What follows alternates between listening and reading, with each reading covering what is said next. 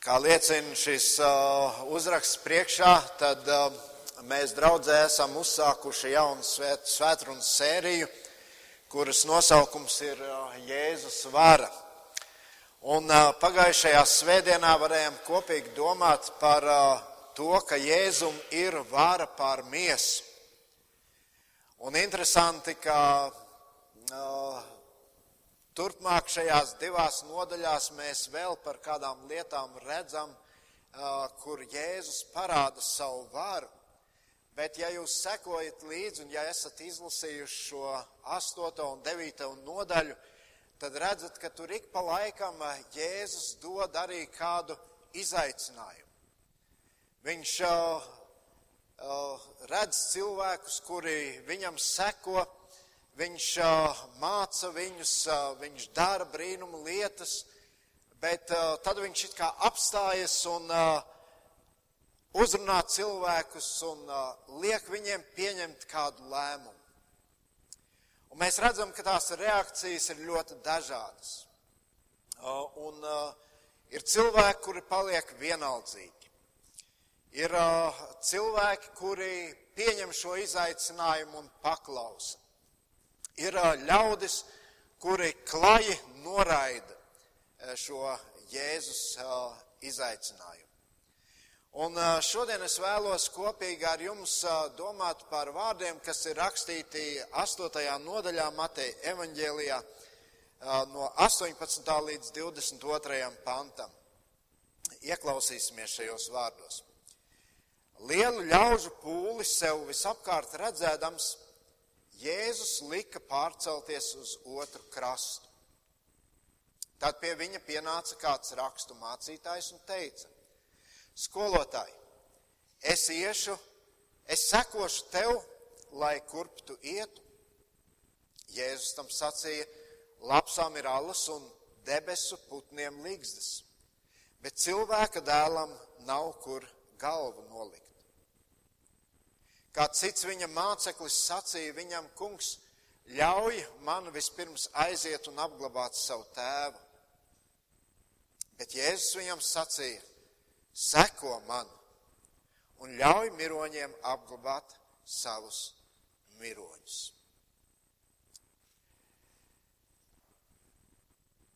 Jāatceraties, ka tad, kad Jēzus uzsāk savu kalpošanu, Viņš iesāk ar pavisam skaidriem, vienkāršiem vārdiem. Viņš turpina to, ko ir darījis Jānis Kristītājs. Viņš aicina cilvēkus atgriezties no grēkiem.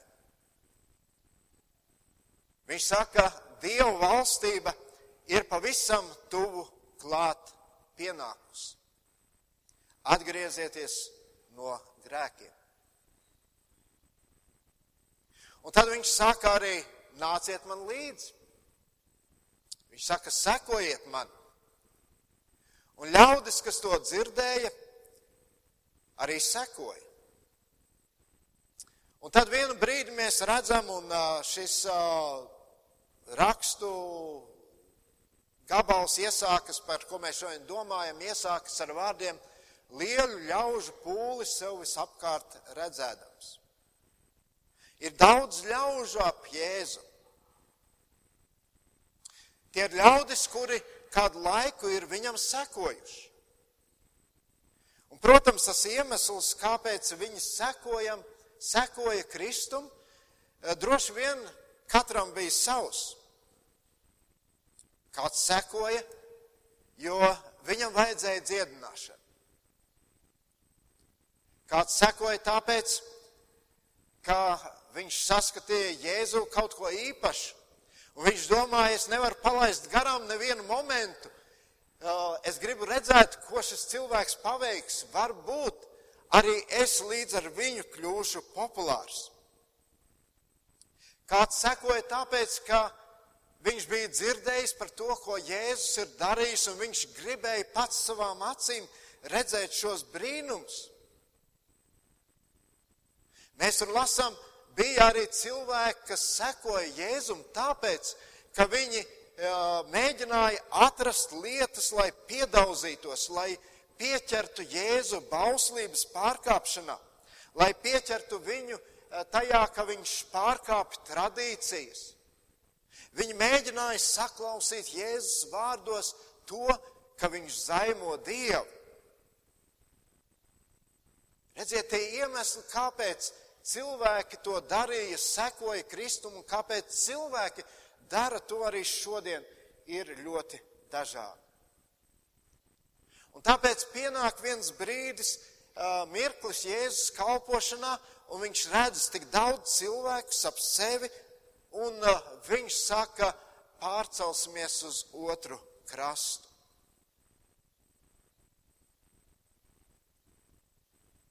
Kad es domāju par šiem vārdiem, man liekas, ka Jēzus šeit pasaka kaut ko ļoti, ļoti svarīgu.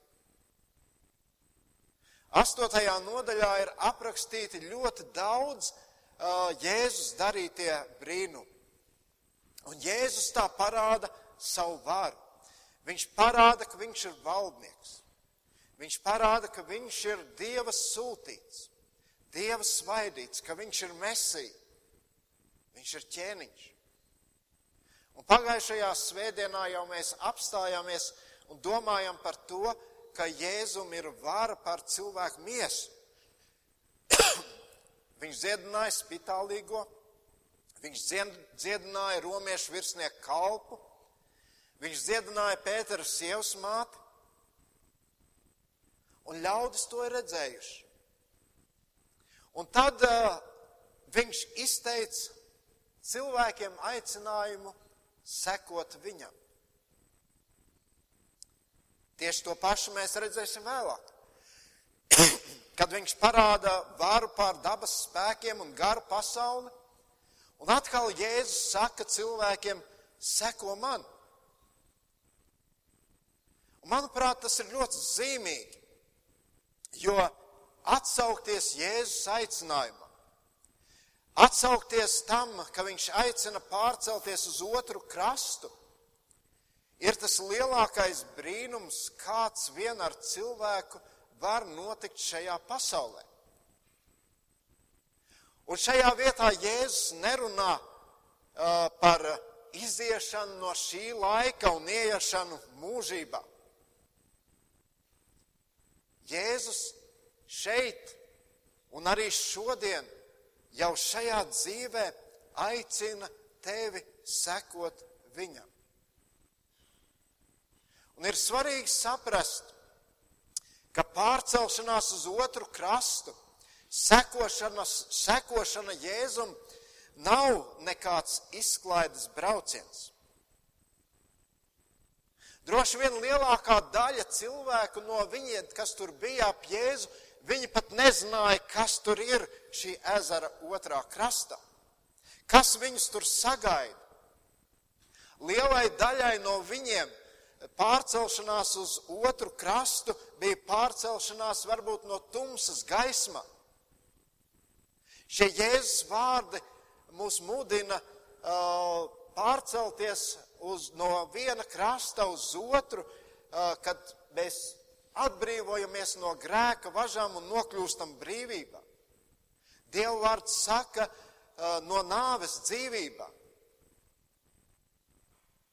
Kaut ko līdzīgu mēs redzam arī vecajā derībā, kur Izraela tauta iziet no Ēģiptes zemes.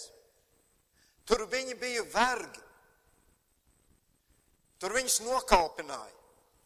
Viņi nejūtās laimīgi, viņi jutās apspiesti. Bet Dievs viņus ved uz apsolīto zemi. uz zemi, kur tikai kādi ir bijuši, un arī lielākā daļa no tiem cilvēkiem ir sastāstījuši dažādas muļķības. Bet šie ļaudis izdarīja izvēli. Pārcelšanās uz otru krastu ir aicinājums izdarīt izvēli savā dzīvē. Tas ir aicinājums atstāt to, kas varbūt tev līdz šim ir licies svarīgs, nozīmīgs, bez kā tu varbūt savu dzīvi nemaz nevar iedomāties. Bet ja tu gribi patiesi sekot Jēzu, tev tas ir jādara. Mateja evaņģēlijā 6. nodaļā, 24. pantā mēs lasām, neviens nevar kalpot diviem kungiem. Vai nu vienu tas ienīdīs un otru mīlēs, vai arī vienam izdevās un otru nicinās. Jūs nevarat kalpot dievam un mamonam. Jēzus saka, ka šī pārcelšanās ir saistīta ar vienu svarīgu nosacījumu. Tu neko no tā, gandrīz neko no tā, kas tev ir šajā pasaulē, tu to nevari paņemt līdzi uz otro krastu. Lai cik dārgas un mīļas mums ir lietas šajā pasaulē, Jēzus saka, nevis tev noderēs. Mateja 6, no 19 līdz 21 mēs lasām, kur Jēzus saka, nekrājiet sev mantas virs zemes, kur kodas un rūsas tās maitā, un kur zagļa roku un zog. Bet krājiet sev mantas debesīs, kur ne kodas, ne rūsa tās nemaitā, un kur zagļa nerok un nezog. Jo kur ir tava manta, tur būs arī tava sirds. Redziet, mēs jau šajā dzīvē bieži vien sastopamies ar situācijām, kur cilvēkiem ir no kaut kā jāatsakās. Mēs dzīvojam tādā zemē, kur varbūt mēs tik bieži to nepiedzīvojam, bet ir zemes un vietas, kur eh, notiek dažādas uh, dabas stihijas, un tad ir brīži, kad cilvēkam ir jāizšķiras vai nu glābt savu dzīvību, vai to, kas viņam pieder.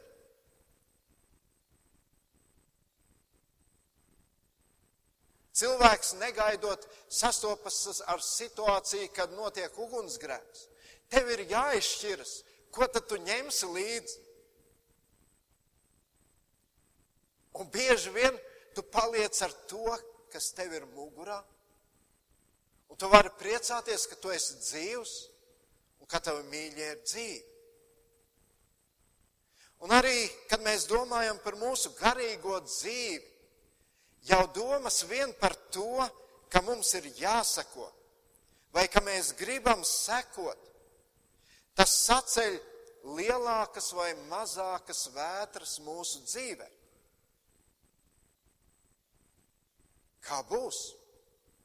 Kā es dzīvošu? Kā uz mani skatīsies?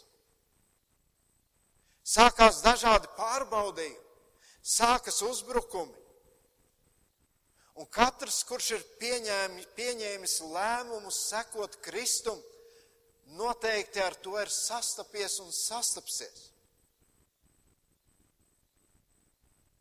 Toreiz šie cilvēki, kas šis lielais pūlis, kas sekoja Jēzum, viņi Jēzu redzēja ārstu, dažādu brīnumu darītāju, Daudzi varbūt uz viņu skatījās kā uz labu mācītāju, kā uz cilvēku, pie kā viņi varēja aiziet un kādu padomu saņemt.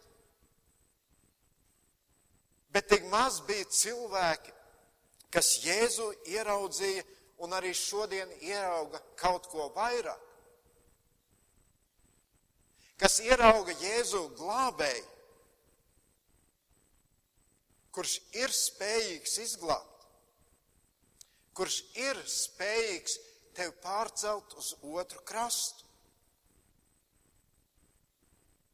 Bībelē mēs lasām, ka Jēzus ir vienīgais ceļš, ka Jēzus ir vienīgā patiesība, ka Jēzus ir dzīvība. Dieva vārds saka, nav citas iespējas, kā nokļūt pie debesu tēva. Un, mīļie draugi, to mēs šodien vien nedzirdam. To zina arī tas, kas darbojas pretī. To zina arī tas, kas sēž mūsos šīs uh, sēklu, kas liek mums palikt vienaldzīgiem pret šo Kristus aicinājumu. Viņš pieliek visas pūles, lai tevi atturētu, lai tevi censtos padarīt vienaldzīgu pret Kristus aicinājumu. 1. Pētera vēstulē, 5. nodaļā, 8. pantā mēs lasām, apustulis Pēters saka, esiet skaidrā prātā un nomodā. Jūsu pretinieks vēlns kā lauva rūgdams staigā apkārt, meklēdams, ko varētu aprīt. Redziet, mums jau varbūt kādreiz liekas, nu kas tad tur? Kristus aicina, es sekoju. Un arī toreiz šis rakstu mācītājs, viņš saka, es sekošu tev, es iešu tev līdzi, lai kur tu ietu. Un viņš kādu laiku ir to darījis. Un tad Jēzum droši vien tā cieši ieskatoties viņām acīs ir, viņš jābēdina un jāsaka, zini, sekot man. Tas nozīmē daudz vairāk nekā tu varbūt domā. Jēzus saka, lapsām ir alas, debesu putniem līgzdas, bet cilvēka dēlam nav kur galvu nolikt. Varbūt šis rakstu mācītājs domāja, es jau esmu kaut ko sa sasniedzis. Es jau esmu kādu laiku tur Jēzum blakus. Šodienas Dieva vārds mums rāda, ka vienmēr būs lietas un apstākļi, kas mūs centīsies atturēt, kas mūs centīsies kavēt, sekot Jēzum.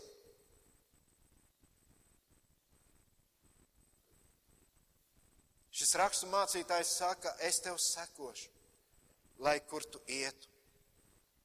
Bet Jēzus saka, vai tu saproti arī to, ko tev tas maksās? Ko tev tas maksās, ja tu izvēlēsies šajā brīdī man sekot?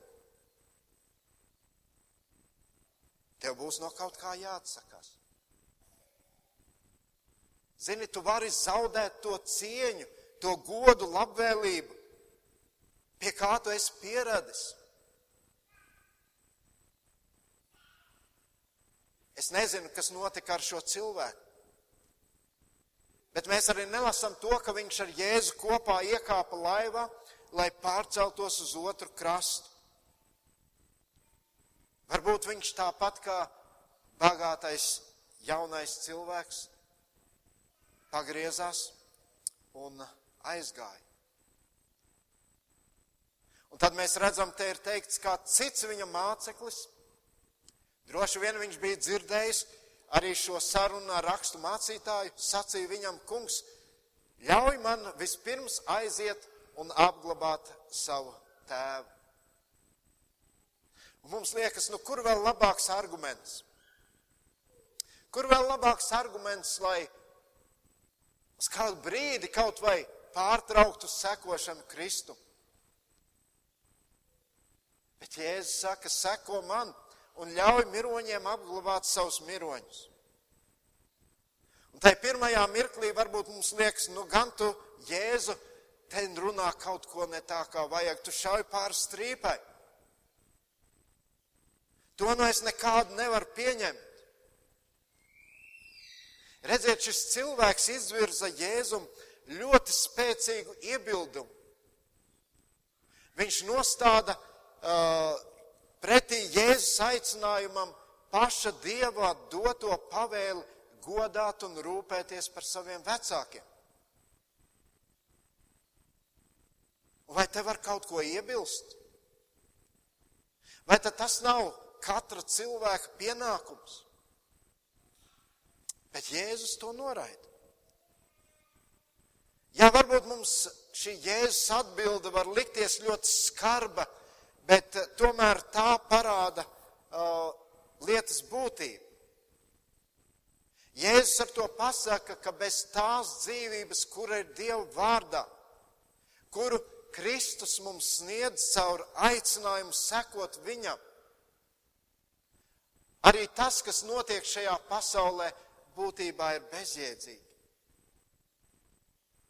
Kādā citā vietā Jēzus saka, jo ko tas cilvēkam palīdz, ka tas iemanto visu pasauli, bet tam zūd dvēseli. Redziet, man liekas, Dievs un Kristus šajā reizē mums grib pateikt, kaut ko ļoti svarīgu. Un te runa nav, ka mums nevajadzētu izpildīt kādu pienākumu, bet runa ir par prioritātēm. Runa ir par to, vai mēs nepaliekam vienaldzīgi pret pašu svarīgāko.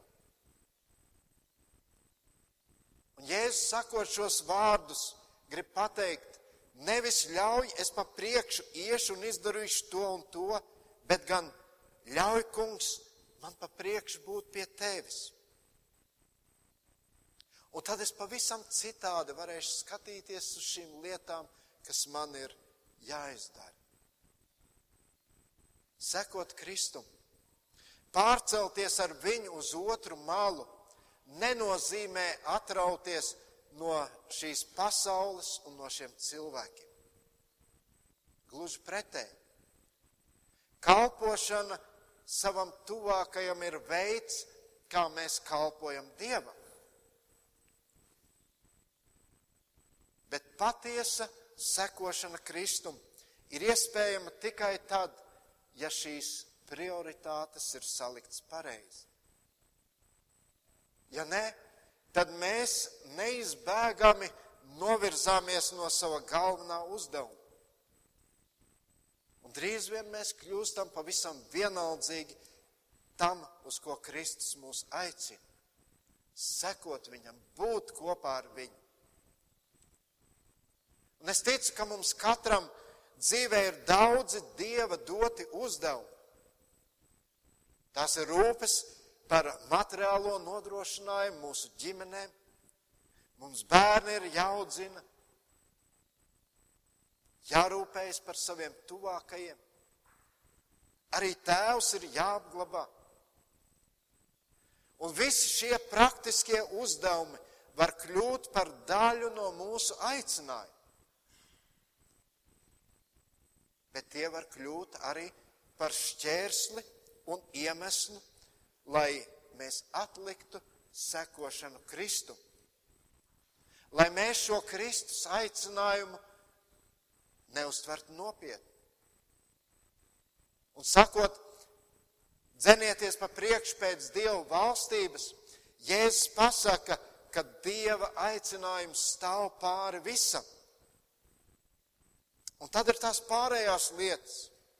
Un tad ir tie pārējie pienākumi, ko tu vari darīt. Bet darīt jau kopā ar Kristu. Tik daudz lietas mūsu domas novirza no paša svarīgākā, no izšķirošā.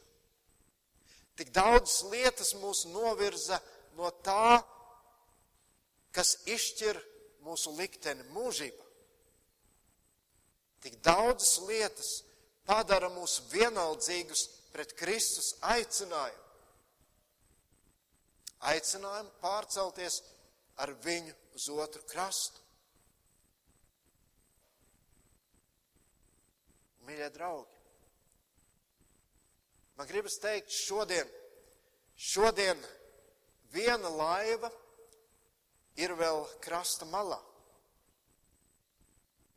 Un arī šodien Jēzus aicina sekot viņam, pārcelties ar viņu uz otru krastu. Un tas jautājums ir, ko tu darīsi? Vai tu kāpsi šajā laivā, lai kopā ar Kristu pārceltos uz otru krastu? Vai tu esi gatavs šodien atsaukties viņa aicinājumam, sekot viņam? Vai varbūt tu, tāpat kā tas lielais pūlis, turpināsi vienkārši sekot, lai apmierinātu savu ziņkārību? Jēzus piedāvā tev izšķirties. Jēzus piedāvā tev šodien atdot savu dzīvību, dzīvi viņam, sevi pašu. Bet tā izvēle ir tavā pusē. Dieva vārds saka, laiks ir piepildīts. Un Dieva valstība ir tūklāt atnākusi. Atgriezieties no grēkiem un ticiet uz evaņģēliju. Mīļie draugi, man lūkšana ir, lai Dievs mums katram dod šo spēku, drosmi un gudrību, ka mēs nepaliekam vienaldzīgi, ka mēs nenokavējam, ka mēs nepalaidām garām šo izšķirošo brīdi mūsu dzīvēm. Daudzas lietas mums dzīvē ir jādara pakāpeniski. Bet ir lietas, kur tev lēmums ir jāpieņem nekavējoties. Un kad es domāju par Kristus aicinājumu, par sekošanu Kristum, tas ir tieši tāds. Jo, ja nē, tu vari palikt tur, kur tu biji. Tu vari palikt tur, tajā ezera krastā, kur bija pirms tam. Bet atceries, Jēzus aicinājumam ir spēks, kas var izmainīt cilvēku dzīves. Jēzus aicinājumam ir, ir spēks, kas var izman, izmainīt to, ko mēs paši saviem spēkiem nespējam izmainīt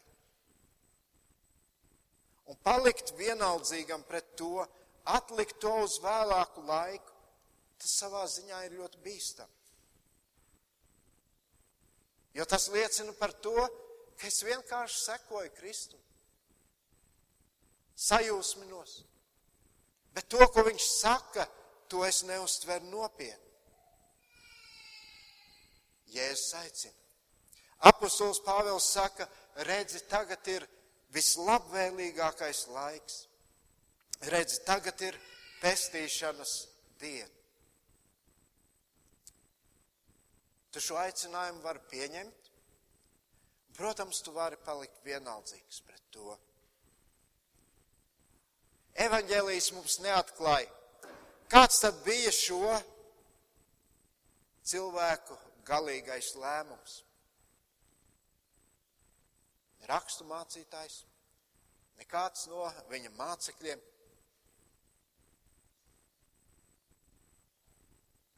Vai viņi sekoja Jēzum uz otru krastu? Vai viņi palika turpat?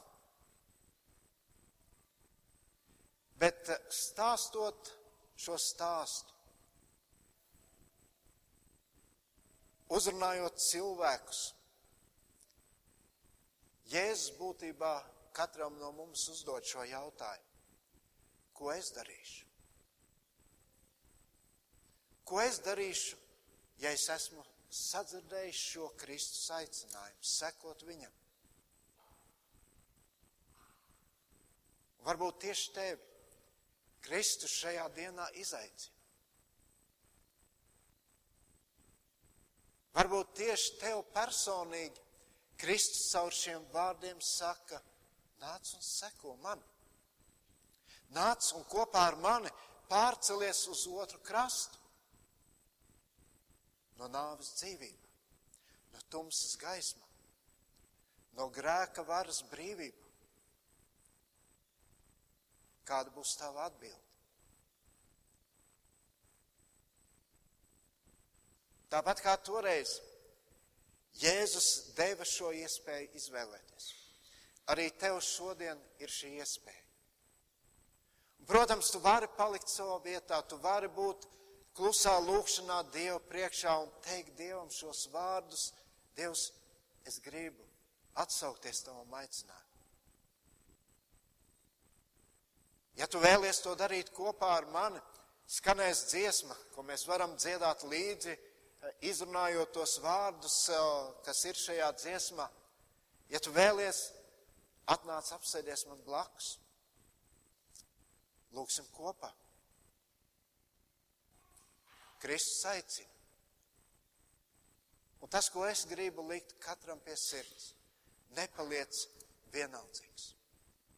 Atsaucies šim Kristus aicinājumam.